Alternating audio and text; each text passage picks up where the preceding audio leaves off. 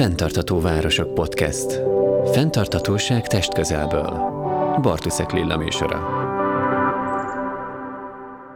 A fenntarthatóság nemzetközi, uniós és hazai kereteinek megismerését követően előző adásunkban fővárosunk klíma és fenntarthatósági szakpolitikai kérdéseit jártuk körül. Jelen epizódban pedig a parlamenti a főszerep. Bartuszek Lilla vagyok, a Fentartató Városok Podcast házigazdája, mai vendégeim pedig Smuk Erzsébet képviselőasszony, az LNP országgyűlési képviselője, a Fentartató Fejlődés Bizottságának elnöke, a Nemzeti Fentartató Fejlődési Tanács társelnöke, illetve Tordai Bence képviselő úr, a Párbeszéd Magyarországért országgyűlési képviselője. Jó napot kívánok, köszönöm szépen, hogy elfogadták a meghívást. Jó napot kívánok! Jó napot, sziasztok! Magyarországon az országgyűlés által 2013 márciusában, tehát kettő évvel a 2015-ben elfogadott fenntartató fejlődési célokat megelőzően került elfogadásra a Nemzeti Fenntartató Fejlődési Keretstratégia.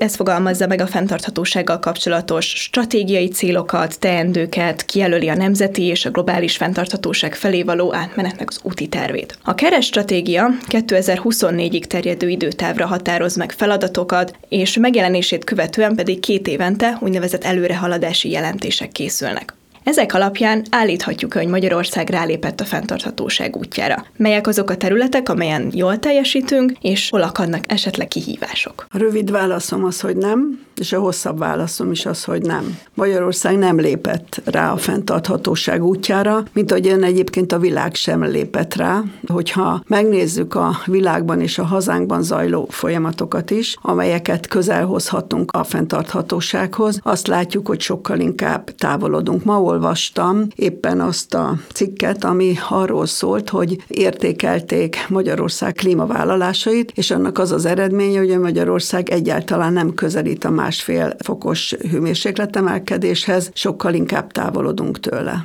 Én elég kemény kritikus szoktam lenni ennek a kormányzatnak. Próbáltam azzal szemmel nézni az előreadási jelentéseket, hogy mi az a pozitívum, amit eh, lehet benne találni, és őszintén szólva egy-két kicsit erőltetetten ide sorolt gazdasági társadalmi mutatót leszámítva még ez a kincstárilag félig meddig kötelezően optimista jelentés sem tudott olyasmit mondani, amiben előre mentünk. Úgyhogy sajnos teljes mértékben egyet kell értsek Erzsivel. A, a környezeti fenntarthatóság ügyében biztos, hogy nagyon rosszul állunk, de igazából majd majdnem minden területen borulékony egyensúlyok sem nagyon alakulnak ki. Ráadásul az utolsó előrehaladási jelentésben még nem tudtak reflektálni a járványhelyzetre, illetve az azt követő gazdasági társadalmi válságra, ami az addigi eredmények jelentős részét is lenullázta. Úgyhogy én attól tartok, hogy semmilyen okunk nincsen örömre.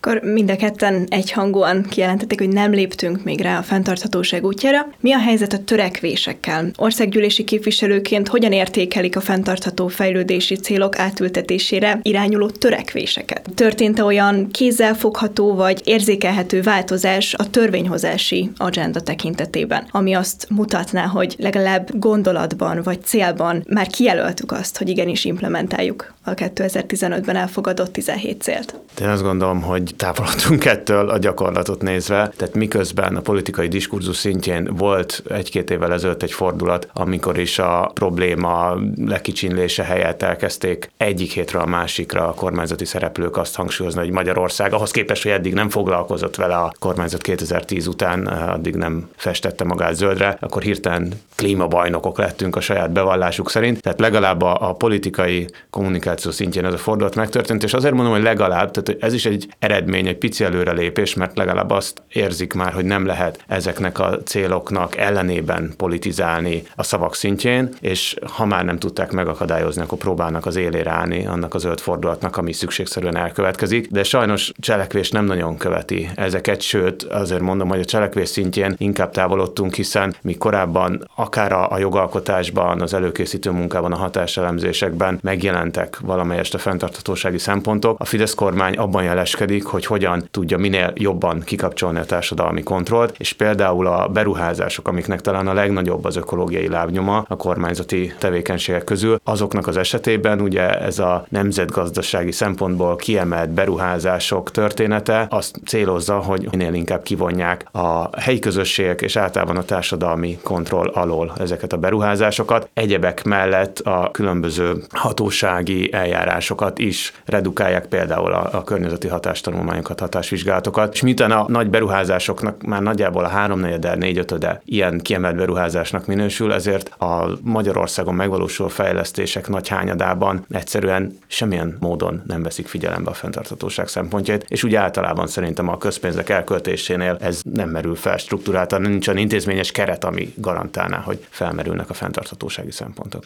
Nekem alapvető problémáim vannak, és ezt érdemes ezt a kérdést egy picikét térben és időben is megvizsgálni. 92-ben Rióban kezdődött a fenntarthatósággal kapcsolatos nemzetközi és hazai folyamat is, amikor Rióban a több egyébként keretegyezmény mellett, klíma biodiverzitás keretegyezmény mellett elfogadta az ENSZ legmagasabb döntéshozói, egyeztető szintje azt, hogy ez a gyűjtemény, ez a feladatok a 21. század századra összefoglalta azokat a feladatokat, hogy valóban a világ elinduljon a, a fenntarthatósági pályán. Később is születtek különböző részlépések és különböző célkitűzések, de hát, hogyha megnézzük ezt a folyamatot, akkor azt látjuk, hogy a helyzet nem hogy javult volna, hanem folyamatosan romlik, tehát bármelyik területen nézzük. Itt Magyarországon is 92 után elindult egy ezzel kapcsolatos folyamat, egyébként az Európai Unióban is, hiszen talán 90 98-ban fogadták el az Európai Unióban a, a fenntartható fejlődési stratégiát. Magyarországon ugye 2010-ig a rendszerváltás után volt egy környezetvédelmi minisztérium, hozzá tartoztak a fenntarthatósági kérdések, és akkor azért még valamilyen szinten a kormányzatban megjelentek ezek az ügyek. Sajnos 2010 után a környezet természetvédelmi intézményrendszer is, ahová tartozott ez a kérdés, ezt az intézményrendszert a kormány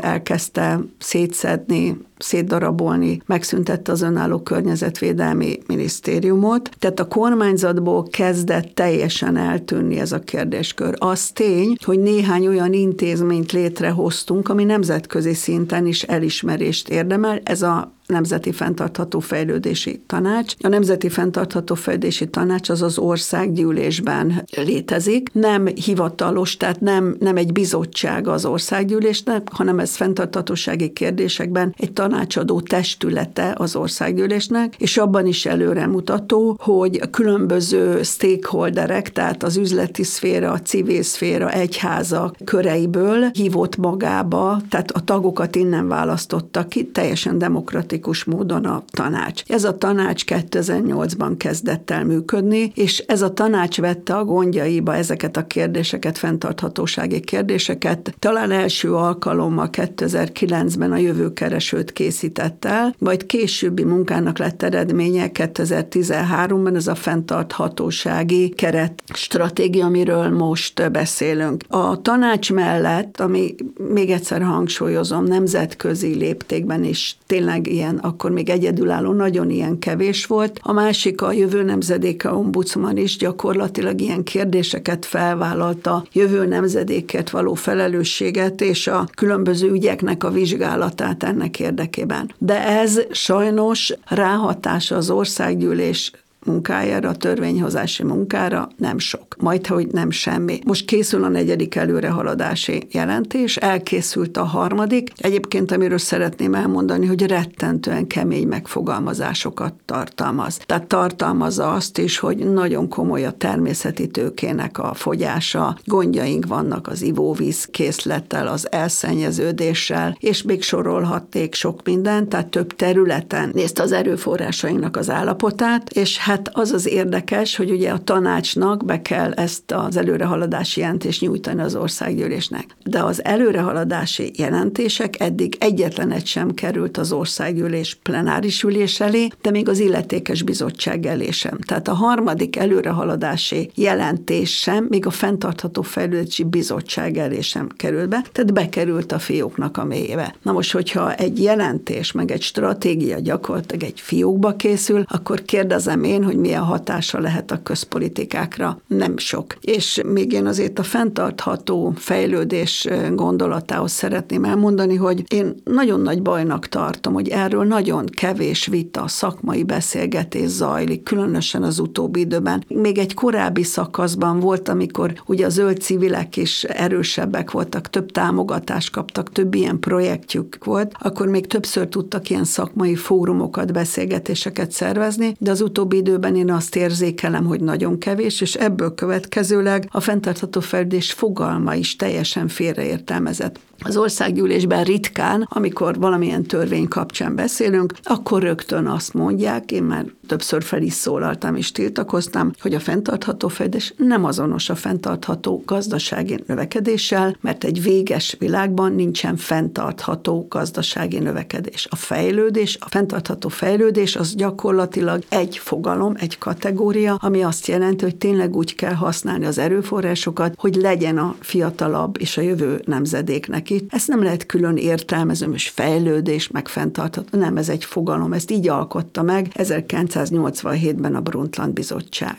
Térjünk rá a klímatörvényre. Azt gondolom, hogy az utóbbi időben ez talán mindenkihez eljutott így vagy úgy valamilyen formában. Hogyan viszonyul a hazai klímatörvény a híres neves Párizsi Egyezményben foglaltakhoz? Hát sehogy. Ennek a klímatörvénynek a, a keletkezés története az nagyon sajátos. Minket lepett meg a legjobban. Erzsijék is, mi is, az LMP és a párbeszéd is rendszeresen bombázza az országgyűlést mindenféle zöld irányba mutató határozati és törvényjavaslatokkal. Az egyik, az hirtelen, az pont én nyújtottam be, és én lepődtem meg a legjobban, hogy elkezdték átengedni a szokásos akadályok szabályokon napirendre eszik, társadalmatba veszik, úristen, mi történik. Egy egészen más törvényjavaslat volt az, amikor benyújtottam, mint ami most klímatörvényként fut. Szerintem Magyarország szégyenére benne van most már a jogrendünkben. Az eredeti koncepció az volt, hogy hirdessük ki a klímavészhelyzetet, mondjuk ki, hogy klímakatasztrófa van, és elképesztő sok és komoly melót kéne elvégezni ahhoz, hogy túléljünk így középtávon. Ez a törvény nagyjából rögzítette volna a célokat, és azokat a beavatkozási területeket, amikre mindenképpen oda kell figyelni, és a kormánynak szabta volna meg azt feladatul, hogy egy részletes, valódi klímatörvényt, nem egy klímavészhelyzet kihirdetését, hanem egy igazi terjedelmes, minden ágazatra kiterjedő klímatörvényt alkosson meg. Neki van az az apparátusa, minisztérium már ugye nincsen, de azért elég sokan állnak elvileg rendelkezésre, és mégiscsak a, a kormány dolga az, hogy ilyen átfogó törvényjavaslatokat megalkosson. De most ezt kikukázták gyakorlatilag, a címét sem tartották meg, a négy célból megtartottak egyet, a 2050-es klímasemlegességet, mondván, hogy hát akkor a mai kormányfő már úgyse fog élni, úgyhogy ezt nem tudják a fejére olvasni. 2030-ra vonatkozóan viszont, amik nagyjából vonalban voltak az akkori legjobb meggyőződéseinkkel, azokkal a zöldvállásokkal, hogy mit kéne kibocsátás csökkentésben, energia felhasználás csökkentésben, megújuló részarányban és hasonló kérdésekben meghatározni, azokat egyszerűen kiradírozták, és helyette beírták ezt a szégyenteljes 40%-os kibocsátás csökkentésre vonatkozó 2030-as célt, azt hiszem 60 vagy 65 volt az eredetiben, tehát hogy nagyon nem mindegy, és így járt a többi dolog is. 14 intézkedési terület volt megnevezve, ebből 10 úgy, ahogy van eltűnt, tehát sikerült valami két oldalas szöveget megalkotniuk az eredeti előterjesztő vezető akarata, szándékai ellenére, azt megcsúfolva, és ezt elnevezték klímatörvénynek. Nagyon komoly dilemma volt, hogy ezek után akkor mit csináljanak a zöld pártok, mit csináljanak az ellenzéki pártok az országgyűlésben. Végül nem is szavaztuk meg a saját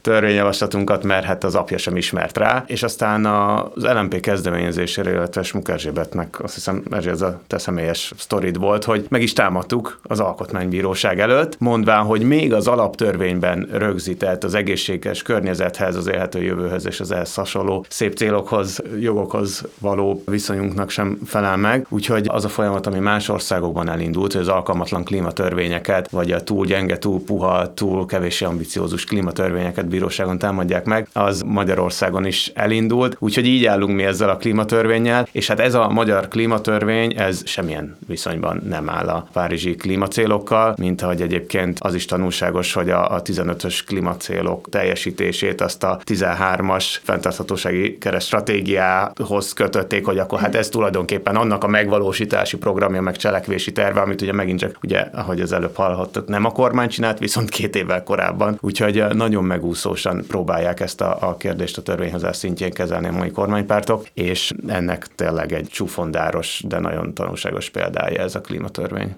Igen, és ugye, ahogy képviselő úr is említette ezt a tendenciát, hogy ugye az utóbbi években több európai országban is kedvező ítéletek születtek a zöld mozgalmak javára, akik ugye adott bírói szerveken keresztül próbálták elérni a számukra elégtelennek tartott vagy nem elégségesnek tartott klímatörvények megmásítását. Előállhat egy ilyen helyzet itthon, egy ilyen tendencia? Vagy még távol állunk tőle? Erre nagyon nehéz eh, jó választ adni, de én mégis ott szeretném kezdeni, hogy ez az egész klímaválság, ugye, ami, tehát a kormánynak a viszonyulása hozzá teljes mértékben elfogadhatatlan. Hiszen most azt kellene tudomásul vennünk, tehát hogyha megnézzük, hogy mi a világ, és itt az előttünk álló két legnagyobb kihívás, én kettőt mondok, mert az egyik már úgy kezd a közbeszédbe belemenni, ez a klímaválság, viszont amiről még nincs nagyon szó, ez a biológiai sokféleségnek a drasztikus csökkenése. Néhány szó a Glasgowi klímacsúcson is volt erről, hogy ez a kettő együtt kéz a kézbe jár, egymást erősíti, és egymást trombolja gyakorlatilag. Tehát ahogyan bánunk a zöld felületeinkkel, a biológiai sokféleség pusztulásával, ez erősíti az éghajlatváltozásnak a gyorsulását, viszont az éghajlatváltozás gyorsulása viszont visszahat arra, hogy egyre jobban pusztulnak, vagy romlanak le az ökoszisztéma szolgáltatások, és veszítjük el a fajokat és a természeti értékeinket. most ezt ma már egy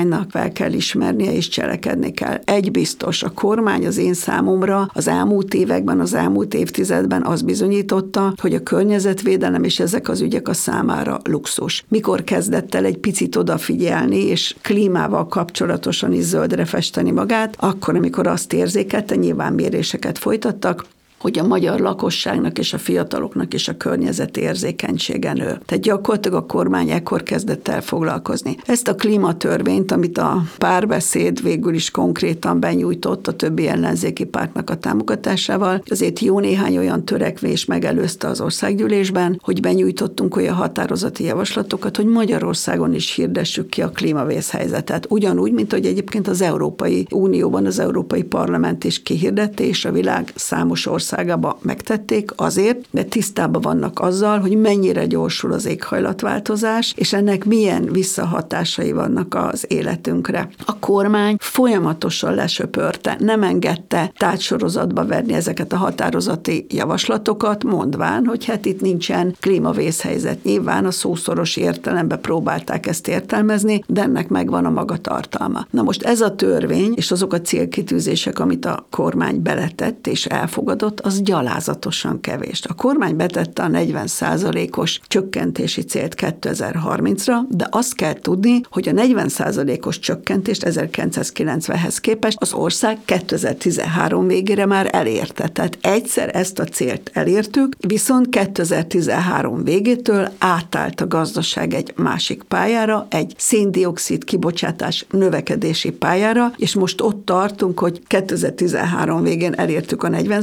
százalékot, de most ez már csak 32 százalék 1990-hez képest. Na most, ha ez a növekedési pálya marad, akkor nem közeledünk semmilyen célhoz, hanem távolodunk tőle. Na most ehhez viszont még azt hozzá kell tenni, hogy a tudós társadalom azt mondja, hogy a 40 százalék kevés. Most már az uniós 55 százalékot mond, de a tudós társadalom álláspontja szerint, és ez a, egyébként az LMP-nek és nekem is a meggyőződésem, hogy most minimum 65 százalékra van már szükség. Tehát, hogy most ezeket is próbáljuk meg, hogy nem is úgy, nem, de vannak más gyenge pontjai is, tehát itt nem csak a csökkentésről szól, a, tehát ezzel kapcsolatosan van baj, hanem az alkalmazkodási feladatok. Tehát egyik oldalról meg kell tennünk a lépéseket, hogy csökkentsük ezeket a kibocsátásokat. Nyilván itt jön a megújuló energia kérdése, energiahatékonyság javítása, vagy összességében az energia felhasználás csökkentése, de van egy másik fele az alkalmazkodási kérdések. Na ott aztán meg végképp sehol sem vagyunk, tehát itt gondolok akár a mezőgazdaságra, az iparra, az egészségügyre, és még hosszan sorolhatnám. Visszatérve egy kicsit a bírósági ügyekre, ugye ezt ne felejtsük el, hogy az alkotmánybíróság az gyakorlatilag kizárólag Fidesz által kinevezett bírákkal működik, miközben az egy szép törekvés egy valódi jogállamban, ahol független igazságszolgáltatás van, hogy megpróbálják bíróságokon szétszincálni a gyenge klímatörvényeket, sőt, konkrét nagy szennyezőket is bíróság elé hurcolnak, nagyon helyesen, autógyárakat és, és másokat, akik nem hajlandók érdemben érdemben tenni a kiemelt felelősük ellenére ezekben az ügyekben. Magyarország ugye egyrészt ez nem nagyon lehetséges, nincs meg hozzá jogi háttér, bár azt hiszem van itt a teremben, aki nálam jobban ért ehhez, de először tényleg a felső szinten kellene magát a törvényt szétlőni, csak hát őszintén szólva a Fideszes alkotmánybíráktól, amire joggal számíthatunk, az az, hogy fektetik évekig ezt a beadványt. Az imént szóba került a legutóbbi Glasgowi klímacsúcs. Önök hogyan értékelik kifejezetten ennek az eredményét, illetve általános nyilvánosságban a klímacsúcsok tényét, illetve az azon elhangzott és azon folytatott párbeszédek jelentőségét. Ez a 26.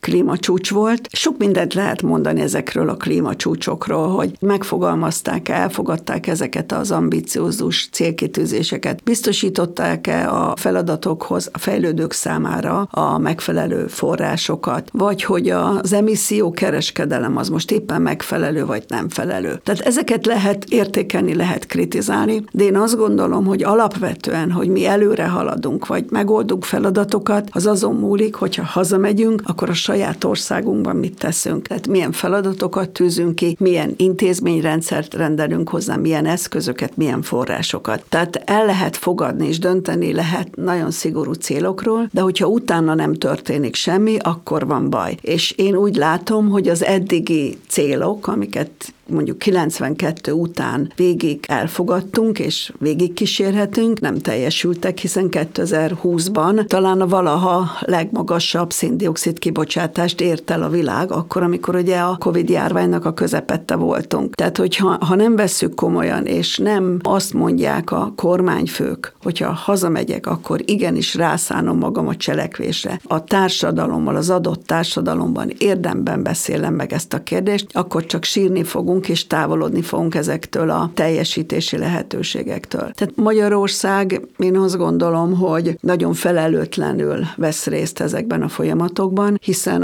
az Orbán kormány az elmúlt években láthattuk, hogy folyamatosan vétózta az Európai Unió szigorú klímacélkitűzéseit. Most is az utóbbi időben ugye arról beszél a, a magyar emberekkel, hogy az Európai Unió gyakorlatilag el akarja venni a, a rezsinek a, a, az eddigi eredményeit, itt, és az Európai Unió költségekbe akarja verni a magyar családokat és a magyar háztartásokat. De hogyha nem beszélünk az emberekkel a problémákról, akkor az emberek nem fogják megérteni, hogy cselekednünk kell, és igen, vannak időszakok, amikor áldozatot kell vállalni. És azokról is a kérdésekről is beszélgettünk kell az emberekkel, hogy igen, ez a kis bolygónk, tehát meghaladtuk az eltartó képességét, túlhasználtuk az erőforrásait, ennyi erőforrás nincs, egy véges bolygón élünk, és az pedig sok sokkal, sokkal szolidárisabban, és úgy kellene az erőforrásokat elosztani, hogy ne legyenek ekkora távolságok, ne szakadjon szét a világ, ne legyenek túl gazdag országok, meg szegény országok egy társadalmon belül, ne legyen nagyon kevés gazdag, sok szegény. Tehát ezeket a kérdéseket újra kell gondolni, és hogyha ezen nem változtatunk, akkor hiába lesz bármilyen területen, bármilyen nemzetközi célkitűzés, nem fogunk irányt váltani. És hogyha a lakosság társadalmi érzékenységéről vagy a téma iránti nyitottságáról beszélünk, akkor önök szerint készen áll a magyar társadalom arra, hogy hogyha lehetőségek adottak egyébként, akkor egy fenntartható útra lépjünk? Szerintem a magyar társadalom sokkal előrébb jár fejben, mint az aktuális magyar kormány. Egy kicsit olyan visszatérve ehhez a házi feladat metaforához, és ezért tartom iszonyú fontosnak a klímacsúcsokat, mert ott be kell számolni arról, hogy elvégeztük-e a leckét, de ez egy olyan feladat, amit magunknak szabunk, tehát nem valami tanító néni bácsi mondja meg, hogy mit kell csinálnunk, hanem összeül az osztály, tegyük fel, hogy felelősen felosztják maguk között azt a feladatot, azt a projektmunkát, amit egyértelmű, hogy el kell végeznünk, hogyha egyszerűen szóval túl akarunk élni. És aztán mindenki valóban hazamegy, és jó esetben megcsinálja a melót, beszámol évente a nemzetközi közösségnek, az osztálytársainak, és beszámol otthon a saját társadalmának. Én azt szeretném, hogyha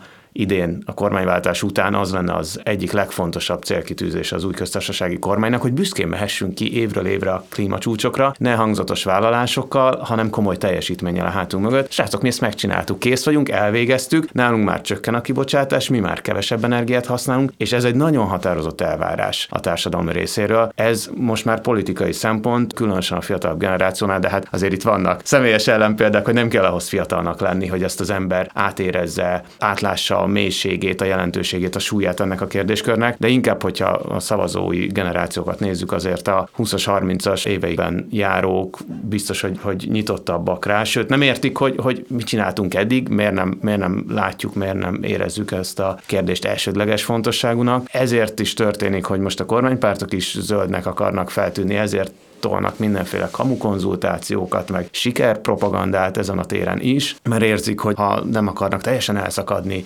a felnövekvő nemzedékektől, akkor úgy kell tenni, mintha ez, ez fontos lenne. Úgyhogy örülök neki, hogy a társadalom az már tart valahol ebben. Nyilván sosem elég, és kell egy edukációs folyamat is, tehát aki még nem kapta fel a fejét, hogy úristen, nagyjából végveszélyben vagyunk, annak azért jó lenne, hogyha elmagyaráznák, és hogyha nem stop Brüsszel lenne, meg stop Soros, hanem stop klímaváltozás vagy klímakatasztrófa, akkor az lehet, hogy egy kicsit hatásosabb társadalmi célú reklámkampány volna, vagy hatásosnak a másik is tud hatásos lenni, de hogy fontosabb és, és érdemesebb arra, hogy tényleg az egész kormányzati apparátus megtolja. Ilyen témákkal kéne menni, tehát hogy ez egy iteratív folyamat, egymást neveli a, a társadalom és a politika, vagy a kormányzat szűkebben véve, úgyhogy szerintem számíthatunk a társadalmi nyomásra. És az a fenntarthatóság felé vinne, azt gondolom. Egyébként Magyarországon is én nagyon örültem, amikor klíma tüntetés volt, és tényleg fiataloknak az ezrei mentek ki már nálunk is az országban, hogy kifejezzék, hogy üzenjenek a politikusoknak, hogy cselekedni kell, hogy elég volt a szép szavakból. Én remélem, hogy a következő kormány ezt megérti, és ez szerint is fog cselekedni. Egyetlen példa, ha szabad személyes, csak hogy átélhetőbb legyen. Nekem van egy csomó gyerekem, a, a nagyobbak,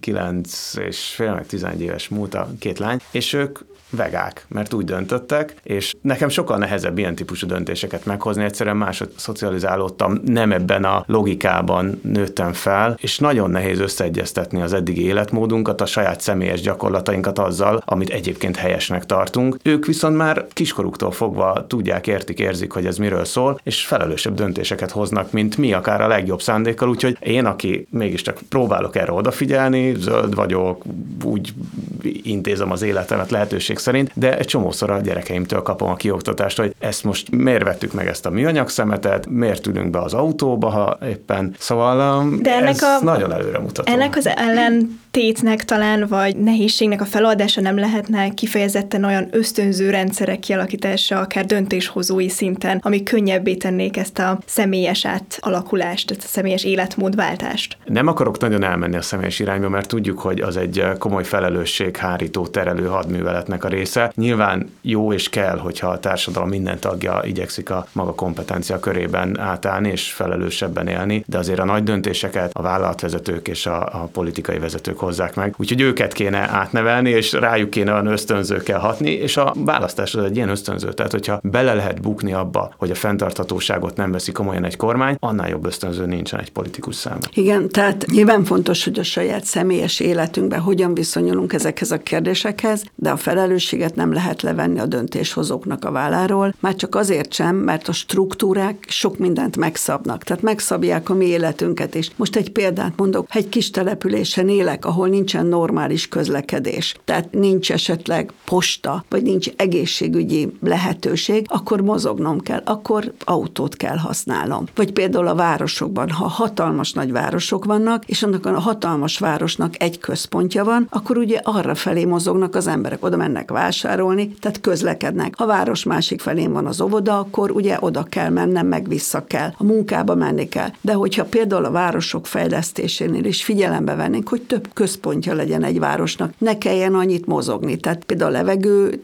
védelemnél, vagy a, a tisztább levegő érdekében is, tehát tudomásul kell vennünk, hogy a mobilitást kell csökkenteni. Tehát törpölhetünk mi azon, hogy most akkor milyen autót használunk, meg e-mobilitás, meg elektromos autók, annak is megvan a maga környezeti terhelés. Erről még keveset beszélünk, hiszen ott vannak a ritka földfém problémák, amikor azt ki kell szednünk, és gyakorlatilag toxikussá tesszük a környezetet. Tehát az is problémás lesz nehogy azt higgyük, hogy majd korlátlanul lehet autózni, és majd akkor jön az a megoldás, hogy majd az elektromos autók nem. Ez nem megy. Tehát tudomásul kell venni, hogy még a megújulóknak is vannak környezeti terheik, terheléseik. Tehát úgy kell alakítanunk az életmódunkat, úgy kell a körülöttünk lévő struktúrát, gazdasági struktúrát alakítani, hogy egyrészt minél kevesebb, tehát csökkentsük a mobilitást, vagy például az energiánál nem elegendő magában energiahatékonyság növelésről beszélni kell, tudomásul kell azt is vennünk, beszélünk, hogy szükség van arra, hogy az energia igényünket csökkentsük. Nyilván nem csak az igényt, hanem más módon is lehet a felhasznált energia. Nem véletlenül mondják, hogy az a legjobb energia tudatosság, ha nem használunk energiát, de például nagyon nem mindegy, hogy milyen házakat építünk, a házakat szigeteljük, vagy nem szigeteljük, milyen a fűtésrendszerünk. Nyilván nagyon nagy a felelőssége a döntéshozóknak, és nagyon fontos a gazdasági szereplőknek is a részvétel és hozzáállás ezekhez a kérdésekhez.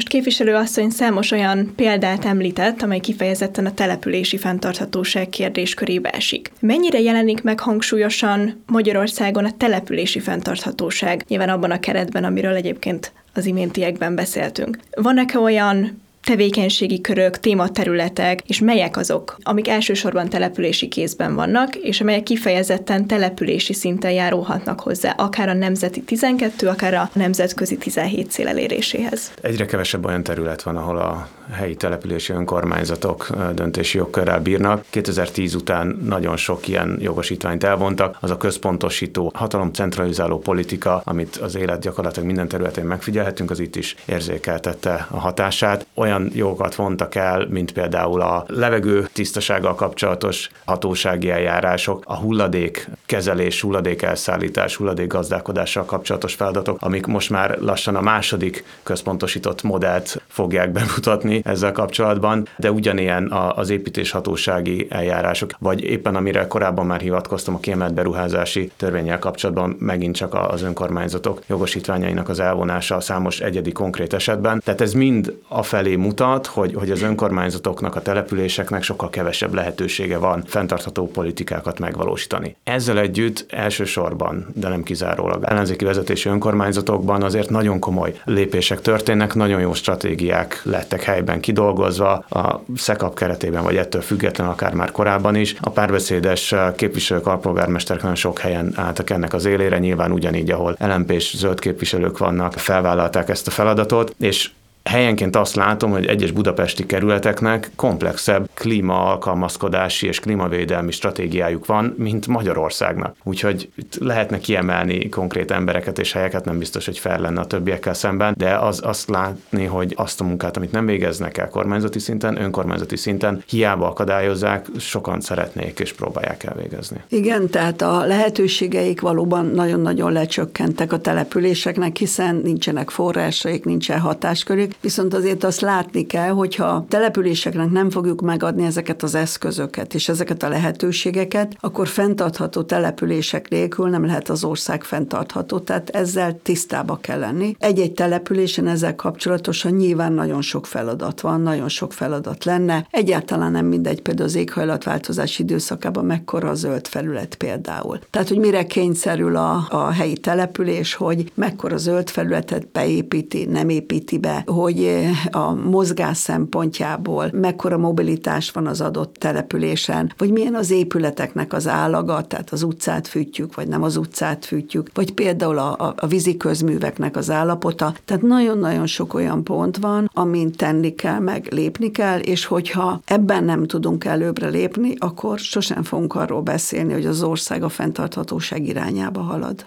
Csak a vízi közművekről jutott eszem, hogy azt is megpróbálják elvenni az önkormányzatoktól. Az is egy kivéreztetett ágazat, ugyanúgy, ahogy a hulladékgazdálkodás is. Tehát tényleg azt látjuk, hogy az önkormányzatok miközben egyébként annyival közelebb vannak az emberekhez, hogy a szubszidiaritás elve éppen azt mondja, hogy bizonyos döntéseket egyszerűen alacsonyabb szinten lehet jobban meghozni, több az információ, több a helyi tudás, ami az ökológiai gondolkodásban kiemelt szerepet játszik, és nagyobb az a reziliencia, ami a változásokkal szembeni rugalmas ellenállás és alkalmazkodás alkalmazkodás képességét jelenti. Láttuk a COVID alatt is, hogy akik gyorsan és hatásosan tudtak reagálni, azok pont az önkormányzatok voltak, ott sem kapták meg azt a segítséget, hogy mondjuk a helyi járványadatokat elérhetővé tegyék számukra, miközben tényleg egy okos járványkezeléssel, de akár egy okos klímaválság kezeléssel is célzottan helyileg lehet a legjobban, legpontosabban beavatkozni, úgyhogy ez ezért is nagyon komoly veszteség.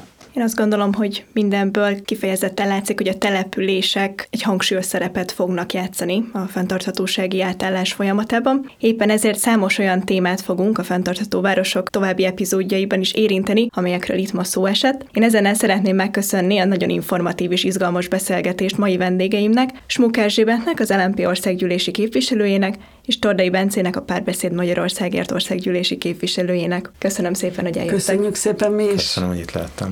Eddigi epizódjainkban áttekintettük a nemzetközi, uniós, valamint a nemzeti fenntarthatósági prioritásokat. Következő epizódunktól kezdve a hangsúly a településekre helyeződik, így következő adásunkban az okosváros koncepció kérdéseiről fogok beszélgetni szakértő vendégeimmel. Szó esik továbbá arról is, hogy mit értünk okos gazdaság, vagy éppen okos kormányzás alatt. Addig is látogassatok el a Fentartható Városok weboldalára, ahol nem csupán a korábbi epizódokat hallgathatjátok vissza, de számos tematikus cikket is találtok az egyes kérdésekhez. Tartsatok velünk legközelebb is. Sziasztok! Bartuszek Lilla műsorát, a Fentartató Városok podcastet hallottátok. A műsor korábbi epizódjait visszahallgathatjátok Spotify csatornánkon, továbbá az adások visszanézhetőek a YouTube-on is.